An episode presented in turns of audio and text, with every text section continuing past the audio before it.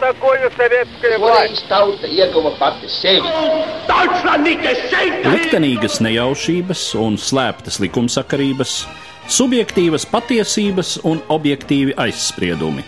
Pēc atkušņa nekad nenāk uzreiz pavasars, bet sākās Arī šodien cilvēki ir ļoti tūredzīgi. Viņi redz to naudu, kas ir. Televīzijā jau pamatā notiek cīņa par varu. Pagātne no šodienas skatu punkta un šodienas caur pagātnes prizmu. Raidījumā šīs dienas acīm. Latvijas radio eterā Eduards Liniņš. Labdien, cienījamie klausītāji! Šodien raidījumā šīs dienas acīm es vēlētos pārcelties uz 1917. gada februāri. Tas ir Pirmā pasaules kara laiks, un eh, mans sarunas biedrs šodienas studijā ir šī perioda vēstures speciālists Latvijas Universitātes profesors Ēriks Jēkabsons. Mēs runājam par 1917. gadu, un tas ir tāds laiks, kad visa Eiropa vai lielākā daļa Eiropas, katrā ziņā nozīmīgākās lielākās valstis ir jau divu ar pus gadus karojušas, un tas ir līdz tam nepieredzēts karš, kad eh, par niecīgiem teritoriāliem iegūmiem frontē tiek maksāts ar tūkstošiem dzīvību, tiek lietoti tādi iznīcināšanas ieroči, kāda līdz tam nav pieredzēta, un Eiropas gan rietumos, gan austrumos frontes līnijā krājas tā tēlēni izsakoties līķu kalni, tam visam neredz gala. Un uh, tad pēkšņi 1917. gada pirmajos mēnešos notiek diezgan būtiskas pārmaiņas. Uz skatuves parādās jauns nozīmīgs faktors, un tās ir Amerikas Savienotās valstis, kas iesaistās Antantes valstu pusē cīņā pret Vāciju un Austro-Ungāriju. Un No otras puses, jau tuvākajos mēnešos, savukārt no šīs Antantas koalīcijas izkrīt būtisks partners. Krievija faktiski atstāja kaujas lauku. Es domāju, Jēkabsona kungs, pirms runājam tieši par šo konkrēto momentu, kāda ir Savienoto valstu pozīcija visā šajā globālajā konfliktā? Patiesībā pirms pievērsties Savienoto valstu pozīcijai ir jāapskatās Eiropas valstu pozīcija kā tāda un situācija stāvoklis. Tas ir visai īpatnējs. Mēs bieži vien Pirmo pasaules karu arī šodien vēl vērtējam no tām pozīcijām, kādās mums ir mācīts padomju laikā skolā. Diemžēl ar viennozīmīgu tādu pamatu, ka būtībā vaininieks ir viennozīmīgi Vācija un tās sabiedrotie. Šobrīd gan pasaules vēsturnieki, vadošie vēsturnieki un arī Krievu vēsturnieki, ne visi, bet viena daļa atzīst, ka šāds vērtējums ir nevietā, jo praktiski pasaules karu izraisīja visu lielvalstu kurām impērisks tieksmes, un tādas pirmkārt ir Krievija, Lielbritānija un Francija. Šī vēlme palielināt savu iespaidu, turklāt vēl ir noslēdza šiem vēsturniekiem arī teikt, ka vairāk par vainīgiem var nosaukt tieši Angliju un Krieviju. Bet to, ka Pirmais pasaules karš sākās 14. gadā, nosaka, protams, apstākļu sakritība konkrēti Balkānos, un tas, ka neviena valsts nav gatava šādam karam, kas viņš būs, pierādīsies tuvākajos mēnešos, pilnīgi jums pievienojos. Bet eh, kāpēc tā notiek? Pēdējais karš Eiropā pirms tam ir bijis 1870. un 71. gadā Prūšu Franču karš, kad dominēja šī vecā militārās taktikas teorija, ieņemsim ienaidnieku galvaspilsētu, ar to karš ir uzvarēts. Pēc šiem te plāniem lielā mērā rīkojas un plāno savus strateģiskos plānus arī visu armiju vadošie ģenerāļi. Nu, piemērs tam ir kaut vai tas pats Šlīfena plāns, slavenais, kuru vācieši sākumā pielieto, cerībā, ka viņiem izdosies ļoti ātri sakaut frančus un pēc tam vērsties pret Krieviju, kura armijas smagnējuma dēļ nespējas laikā mobilizēties. Viņš izgāzīsies, bet izgāzīsies nevis tikai tāpēc, ka Krievija apgāzīs šos te pieņēmumus, mobilizēsies nedaudz ātrāk, taču tam iemesli ir dziļāki. Un dziļākais iemesls, protams, ir militārās tehnikas izaugsme līdz līmenim, kādu neviens no vadošiem ģenerāļiem nav gaidījis. Pirmajās kardienās visās iesaistīto valstu galvaspilsētās sajūsmas demonstrācijas. Klāt tam ir sabiedrības nacionālais pacēlums. Nacionālisms ir nobriedis visās valstīs tik tālu, ka būtībā tiek ticēts tam, ko apgalvo valdības, ka mūsu lieta ir taisnīga, mēs uzvarēsim. Un karavīri dodas šajā karā pārliecināti, ka viņi atgriezīsies mājās pēc divām nedēļām, pēc trīs, četrām, varbūt trīs mēnešiem augstākais līdz rudenim. Tas neizdodas vairāk iemeslu dēļ. Tehnika ir sasniegusi līmeni, kurš ļauj aizsargāties efektīvi, jo ir izdomāts ložmetējs, kurš ļauj vienam cilvēkam sadēt uz 100 metriem un iznīcināt būtībā uzbrukošo līdz šim galveno uzbrukumu ieroci - kavalērija būtībā, nu, vai durkļu uzbrukums, ko praktizēja ļoti ilgi un spītīgi, it īpaši Krievu karaspēks. Un tālāk rodas šī situācija, ka 1915. gadā fronte nostabilizēsies, sāksies pozīcija karš, un pozīcija karam nav bijusi gatava neviena puse. Nekāda rezultāta. Jūs pilnīgi pareizi atzīmējāt, tad daži kvadrātmetri par tūkstošu cilvēku dzīvību cenu. Verdens cietoksnis gal galā ir labākais piemērs. Uz vienu kvadrātmetru tur rēķināts bija, ka apmēram 990 kritušie uz kvadrātmetru, bet iegūms ļoti niecīgs. Arī ložmetē kalns lielā mērā. Nu, protams, tikai, protams tikai mazāks apjomā, un Jā. ja pie Verdens bija miljons kritušo, tad šeit, protams, teritorija mazāka, bet ja tur pareiķinātu, tad arī būtu cipars noteikti būtu ļoti iespaidīgs, neapšaubām. Proporcionāli, teiksim, latviešu tautas lielumam, mm, ja runā par, par latviešu strēlnieku zaudējumiem. Tieši tā. Un otrs, šī brīdī, kad sākās pozīcija karš, ģenerāļiem ir grūti noticēt, vai pareizāk sakot, ja arī viņi notic, viņiem grūti izdomāt, ko darīt. Un viņi sāk izmisīgi domāt šos te veidus. Un rezultātā sākās šī visām pusēm ārkārtīgi nogurdinošā cīņa, kurai lielāko smagumu, protams, iznēs Eiropas valstis. Un, kā jūs saprotat, apstākļos, kad neviena valsts nav bijusi gatava tādam karam, no šīs situācijas sekas jutīs tādas valsts kā Krievija, kura ir ļoti kontrastaina valsts, savdabīga valsts, it kā ir attīstīta galvaspilsēta, rūpnieciskie rajoni, ieskaitot Baltiju, varbūt Pēterburga, Maskava, Melnās jūras reģions, taču ārkārtīgi atpalikusi varbūt 200 gadu, 300 gadu situāciju atpakaļ. Mēs redzam arī 1917. gadā milzīgs analfabētu daudzums armijā, kuriem nu, nav skaidrs īsti, par ko viņi karo. 17. gadā vairs neiedarbojās šis 14. 15. gada lozungs par dievu tēviju caru. Viņi īpaši karot vairs negrib. Un klāt visam viņi saņem no mājām vēstules. Tas ir tas, ko karavīrs šādā situācijā gaida visvairāk. Vēstules, kurās viņu tuvinieki stāsta par to, ka nav ko ēst. Ja bagātajā Britu impērijā, varenākajā valstī pirms Pirmā pasaules kara Londonā 1916. gada beigās parādās plakāti, kuros ir teikts tā apmēram pati veselīgākā, pati labākā, pati nekaitīgākā organismam pārtika ir runkuļi. Mums nav šādi dati par Krieviju. Mums ir zināms, ka Krievijā būtībā pat galvaspilsētās nav ko ēst. Un tagad daži vārdi par ASV situāciju. Jā. Jau no pasaules kara sākuma. Arī liela, bagāta valsts bez īpašām ambīcijām Eiropā katrā ziņā. Un... Vismaz formāli bez ambīcijām Eiropā, taču, kā mēs saprotam, no šodienas pozīcijas runājot, tas būs tas pats, kas būs vēlāk. Pēc Pirmā pasaules kara jau ASV formāli ieturēs neutralitāti tātad līdz 1917. gadam, un tagad paskatīsimies uz tās finansiālo stāvokli. Pirms Pirmā pasaules kara vai Pirmā pasaules kara priekšvakarā ASV, protams, tīri ekonomiskām saitēm visciešāk ir saistīta ar varenāko pasaules lielvalstu, to pašu Lielbritāniju un arī Franciju kopīgas bankas, kopīgi uzņēmumi un tā tālāk. Tagad, starp citu, to atzīst arī amerikāņu vēsturnieki, ka faktiski mēs redzam, ja 1914. gadā vai Pirmā pasaules kara priekšvakarā Amerikas Savienotās valstīs nu, ir parādnieks Lielbritānijai. Ir paņemti daudz aizdevumu no bagātās Lielbritānijas. Tad es pateikšu tā, aizskrienot varbūt nedaudz notikumiem uz priekšu. 1917. gadā un īpaši 1918. gadā situācija ir pagriezusies par 180 grādiem. Tagad parādā Amerikai vai Amerikas Savienotām valstīm ir Eiropas karojošās valstis. Pirmkārt, Francija un Lielbritānija. Tagad ir situācija mainījusies, un, ja teiksim, pirms Pirmā pasaules kara Amerikas Savienotās valstīs bija 2,5 liekas, miljoni bezdarbnieku, tad 1916. gadā ir tikai 100 tūkstoši. Tālāk paskatīsimies vēl dažus skaitļus. Atkal salīdzinot ar 16. gadu. ASV formāli ir neitrāla valsts, kura vispār nedrīkst nekādā veidā palīdzēt kādai no karojošajām pusēm. ASV arī tolaik jau darbojušies starptautiskie likumi, un neskatoties uz to, tad Amerikas Savienotās valstīs metāla rūpniecība pieaugusi 2,5 reizes, bet pats interesantākais - munīcijas, ieroču un cita veida ar militāro resortu cieši saistītā rūpniecība ir pieaugusi 80 reizes. Nu, kā lai mēs to izskaidrojam? Ja mēs ņemam vērā, ka ASV ir neitrāla, tad fakts ir, kā saka, acīm redzams, ka būtībā ASV smeļ sev šo izdevīgumu no Pirmā pasaules kara.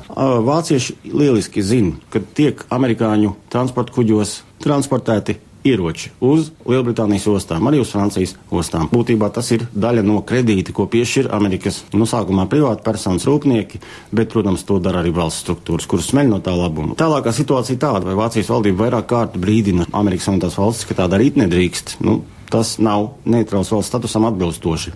Amerikāņi to neņem vērā. Viņi pasaka, jā, mēs saprotam, to dara privātas personas, tā, mēs apturēsim šo darbību, vairāk preču kuģi neiet. Nu, kas tam notiek tālāk? Ieroči, munīcija un tam līdzīgas lietas tiek lādētas iekšā pasažieru kuģos. Ticībā, ka vācieši nebūs tik lieli nezvēri un nekādā gadījumā neuzbruks šiem te pasažieru kuģiem. Vācijas valdība, man liekas, pat brīdināja šos amerikāņu biznesmeņus, ka, ja jūs turpināsiet tā, mēs būsim spiesti vērsties ar, ar radikālākiem soļiem. Un tas novedīs pie Luizitānijas bojājējas, kas ir viskaļākais, man šķiet, šis notikums 1915. gadā, bet arī šobrīd vēsturnieks strīdās. Nu, tur šī Luizitānija nogāja dibenā ārkārtīgi ātri. Un, nu, patiesībā šobrīd nu, gandrīz nekādu šaubu nav, ka kaītais tilpnēs bija ne tikai šie 1900 bojā gājušie pasažieri, bet arī munīcija. Šis gadījums jau skaidri parāda mums to, kur tad būs, kurā pusē būs Amerikas Savienotās valsts. To parāda arī būtībā tirzniecības analīze Amerikas Savienoto valstu un redzam arī daļai izskaidrojumu tai pozīcijai, kādu Vācija ieņem. Un vēl daži vārdi par Vāciju. Ja, ja mums Krievu vēsturnieki vai padomu vēsturnieki varbūt pareizāk būtu teikt, mēģināja iegalvot, ka Vācijas imperiālisms, viņas agresivitāti nosaka šo Pirmā pasaules kara austrumos, tad mm, es pateikšu vienu argumentu. Nedaudz par labu Vācijai. Es neesmu nekāds Vācijas fans un atbalstītājs, bet mm, vēsturniekam jābūt objektīvam.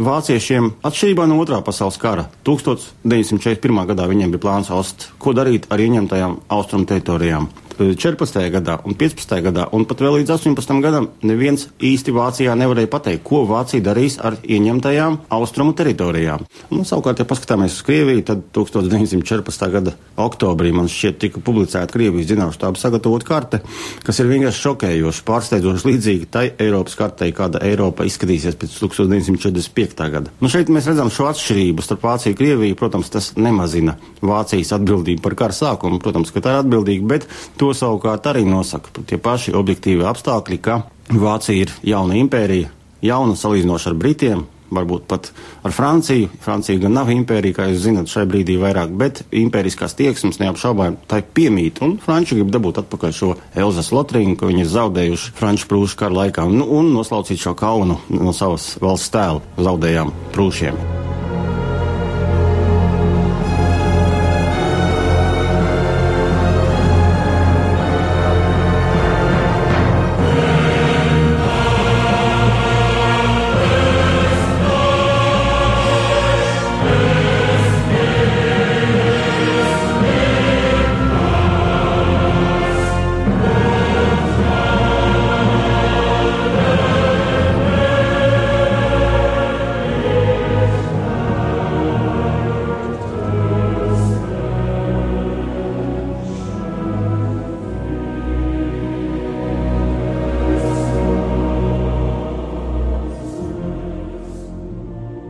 Tas, ka Latvijas tauta izjūta šo karu noteikti daudz smagāk nekā mūsu kaimiņu valsts, Igaunija un Lietuva.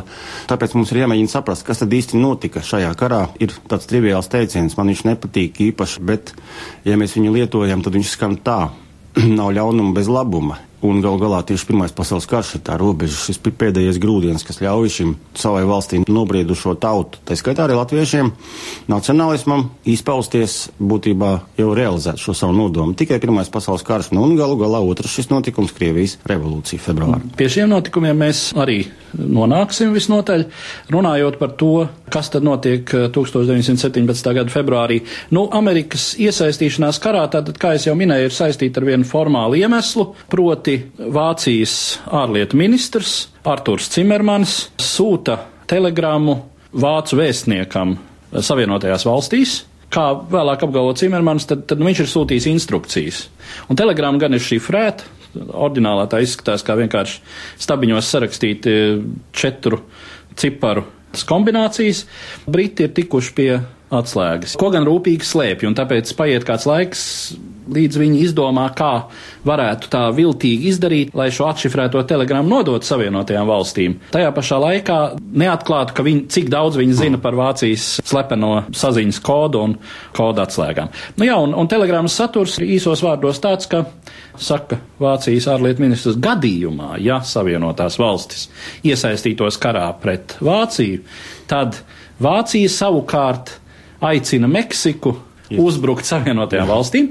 Tas skan, nu, teiksim, no mūsdienu viedokļa vispār odiozi, ja, Meksika pret Savienotajām valstīm, bet, nu, nemaz tik varbūt odiozi tas neizklausās pirms 90 gadiem, jo tikai pirms 150 gadiem savukārt apaļš laika solis iznāk notiek cits karš, kas ir Savienoto valstu Meksikas karš, kurā Meksika zaudē turpat pusi savas teritorijas, no kuras izveidojas vairāki Savienoto valstu štati, ieskaitot tādus lielus štatus kā Teksasa un Kalifornija, kurus zina nosaukt gandrīz katrs pasaulē. Tad šo teritoriju Vācija apsola Meksikai atpakaļ gadījumā, ja Vācija ar Meksikas atbalstu vai Meksika ar Vācijas atbalstu uzvarētu Pirmo pasaules karu. Jā.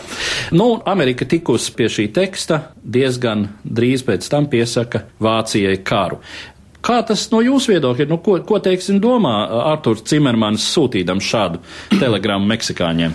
Nu, būtībā, ja es būtu diplomāts vai mūsu klausītāji būtu diplomāti, tad ir skaidrs zināms, ka valdība, kur ir nonākusi līdzīgā stāvoklī, kā šai brīdī ir Vācija, izmisīgi meklē kaut kādu veidu, kā nodrošināt glābt savu smago situāciju. Vācija 1917. gads un Austro-Ungārija, ja tās sabiedrotie, ir ļoti smagā situācijā, jo, protams, šis Antānas lielvalstu, Antānas sabiedroto pārsvars ir izteikts. Viņi ļoti labi saprot, ja karā iesaistīsies Amerikas Savienotās valstis ar savu milzīgo ekonomisko un militāro potenciālu, situācija kļūst tikai vēl smagāka. Šai brīdī situācija Meksikas gadījumā ir izteikti labvēlīga, ņemot vērā tos pašus apstākļus, ko jūs minējāt. Protams, Meksikas teritoriālās pretenzijas arī tur neviens vēl nav pilnībā aizmirsis. Šai brīdī šodien ir noteikti, protams, bet tad noteikti vēl nē.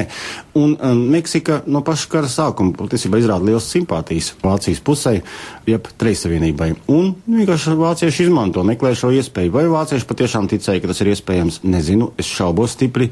Es domāju, ka tas drīzāk tika izskatīts kā sekundārs nodrošinājuma variants. Šeit mēs varētu salīdzināt kaut vai ar situāciju 1920. gada janvārī Latvijā vai Rīgā, kad Latvija ir sabiedrojusies ar to pašu Poliju kaut vai, un vienlaicīgi Latvija ļoti svarīgi, lai paliek Lietuva, bet Polijas militārais atašais Rīgā saņem rīkojumu. Ja gadījumā lietuvieši uzbrūk Viļņas virzienā, Viļņa ir okupēta no poļiem, tādā gadījumā dariet visu, lai Latvijas armija iesoļo šauļu apriņķī. Tādā gadījumā apsoliet viņam, ka mēs pēc kara piekritīsim, ka šīs apriņas kļūst par Latvijas sastāvdaļu. Šis ir piemērs no mūsu, mums visiem ļoti tuvas vēstures, kas arī šķiet neloģiski pilnīgi, jo vispār mēs nespējam iedomāties kādas karot ar Lietuvu, protams, jā. Nu šeit varbūt nav šis labākais piemērs tajā ziņā, kad Meksikas attiecības ar Amerikas Savienotām valstīm ir citādākas. Protams, šeit ir divas jaunas valsts, Latvija, Lietuva, un taču, lai varbūt izprastu šo situāciju, es minēju šo piemēru, ja?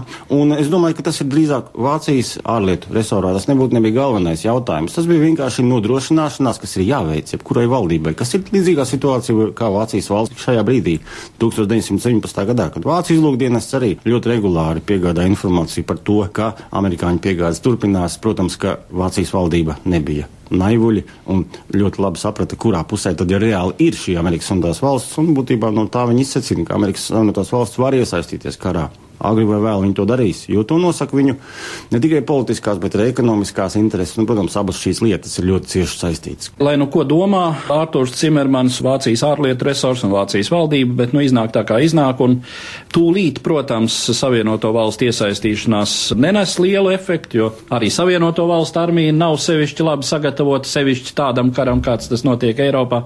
Ir pat tas stāsts, ka viņiem pat nav atbilstoši ķiveru. Tās sākumā nāks aizņemties no frančiem. Protams, protams, tas ekonomiskais potenciāls, kāds ir Savienotajām valstīm, un vispār tas, ka Savienotās valstis ir šai karā nostājušās Antantas pusē tīri psiholoģiski, laikam gan izšķir kara likteni. Cimermaņa telegrammas uh, gadījums un viss, kas notiek ar Savienoto valstu iesaistīšanos, maksā arī Arturam Cimermanim posteni. Viņš dažus mēnešus vēlāk atkāpjas no ārlietu resoru vadītāja amata un šķiet, ka arī līdz ar to viņa aktīvā politiķa karjera beidzas. Viņš vēl paspēja izdarīt vienu interesantu lietu, kas ir interesanta arī Latvijai, un proti šķiet, ka lielā mērā ar Cimermaņa akceptu līdzdalību, vai katrā ziņā Vācijas ārlietu resortu tieši līdzdalību 1917. gada aprīlī cauri Vācijai dodas viens uh, aizīmogots pat šķiet. Nu, tā gan ir leģenda. Nu jā, tā ir leģenda. Tur, tur ir daudz leģendu, anekdošu jā, par to, ka Vagons bija aizīmogots par to, ka iekšā braucošie dziedājuši internacionāli, dzēruši šņabi un daudz tējas. Bet fakts ir tas, ka šajā vagonā starp citiem brauc tāda persona kā Vladimirs Uljānovs pavārdā Ļeņins.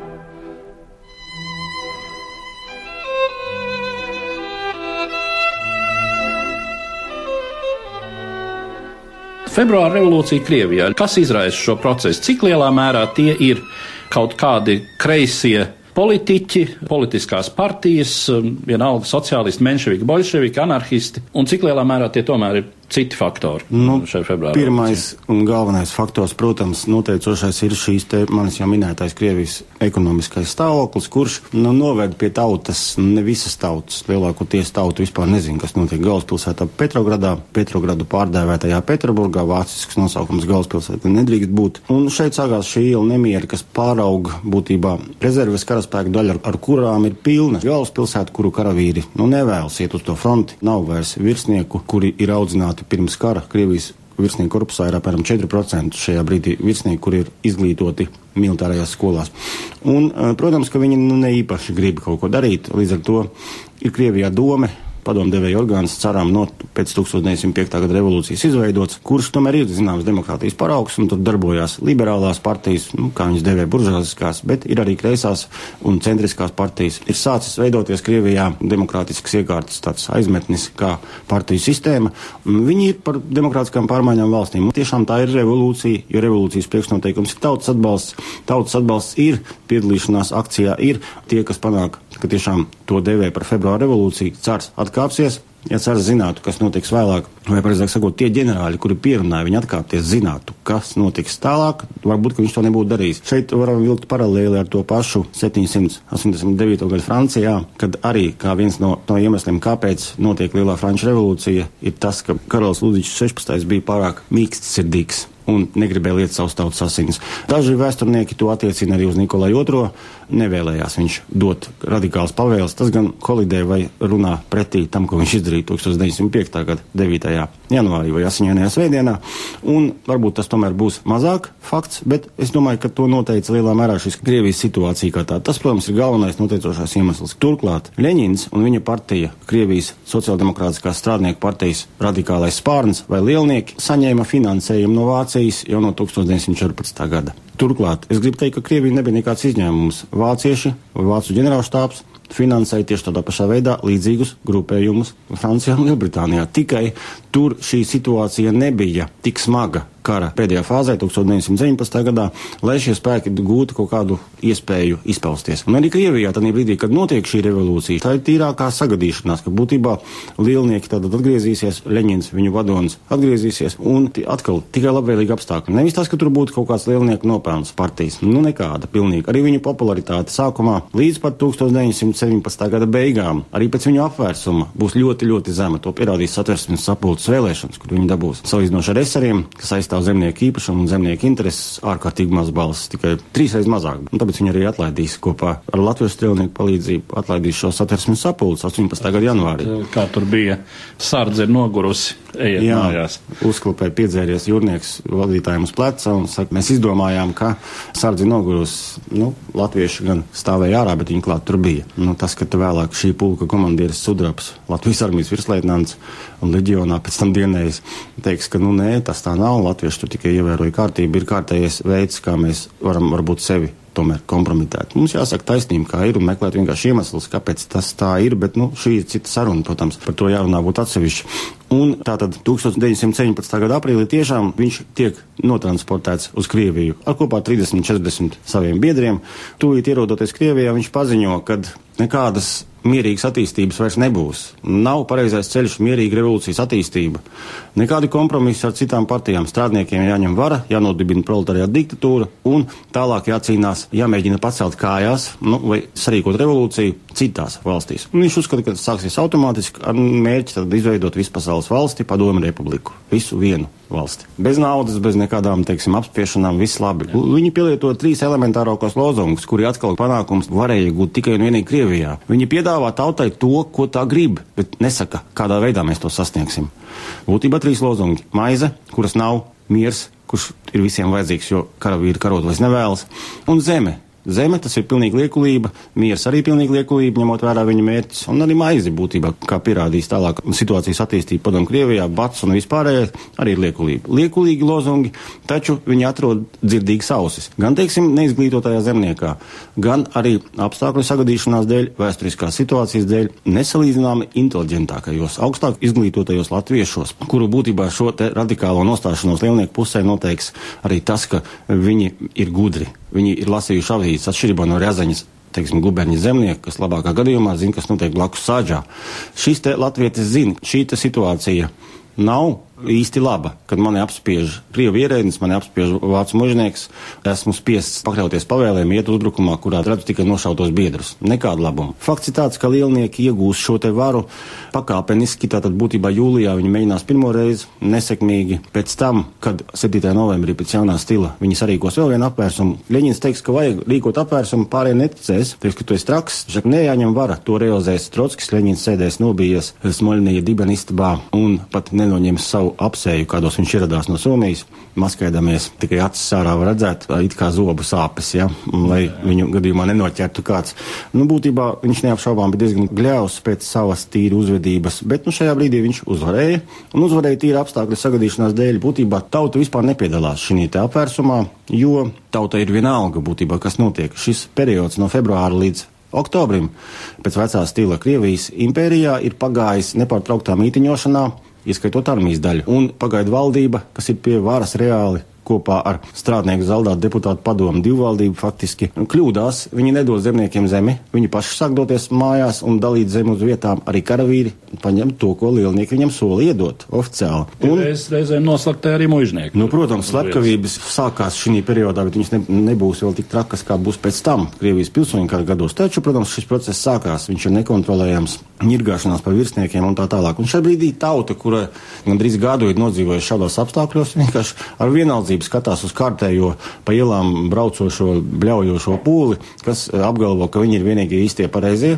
Un rezultātā nav kas aizstāv šo pagaidu valdību. Viņa kritīs un nodibinās lielnieku režīmus, kurš no sākuma pat nu, būs spiests sadarboties ar sociālistiem revolucionāriem līdz pat Brestas miera līgumam. Pēc tam viņš šo sacelšanos likvidēs, tas atkal ir cits stāsts. Bet, Jā. nu, Tie ir eh, notikumi, kuriem mēs vēl mūsu raidījumā pievērsīsimies šī gada laikā cik tālu 90 gadi, tā pusapaļš skaitlis mūs no tā šķir. Varbūt vēl viens pēdējais jautājums, ja es jūs tā provocētu mazliet paspekulēt par to, bez bolševika apvērsuma, bez Ļeņina ietransportēšanas Krievijā, kādas būtu Latvijas cerības uz neatkarīgu nākotni, ja Krievijā pie varas paliktu Kerinskis? Tiesības un cerība vienīgi uz autonomiju. Nekādas vairāk.